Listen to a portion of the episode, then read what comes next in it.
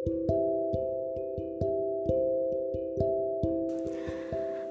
teman-teman, apa kabar? Oh iya, kenalin, aku Gita. Ini kali pertama aku buat podcast.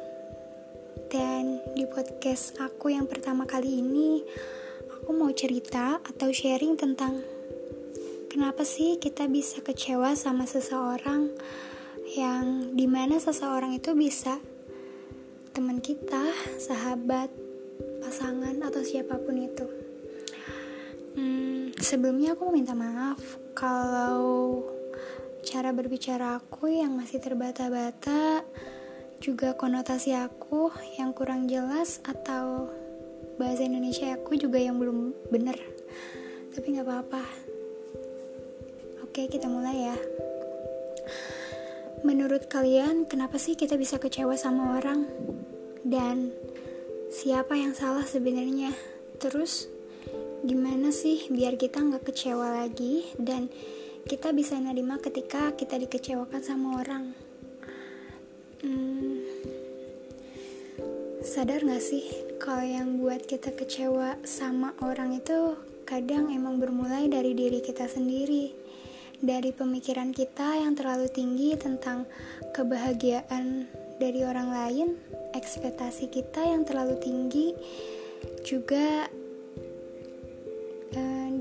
yang di mana kadang diri kita yang terlalu bergantung sama orang lain. Sampai kadang-kadang nih kita kehilangan diri kita sendiri. Iya gak sih terus kalau kalian udah tahu beberapa hal yang aku sebutin di atas itu buat kita sendiri kecewa apa sih yang kalian lakuin? Pasti bingung kan apa yang harus kita lakuin dan gimana cara mulainya? Mungkin pertama-tama yang kita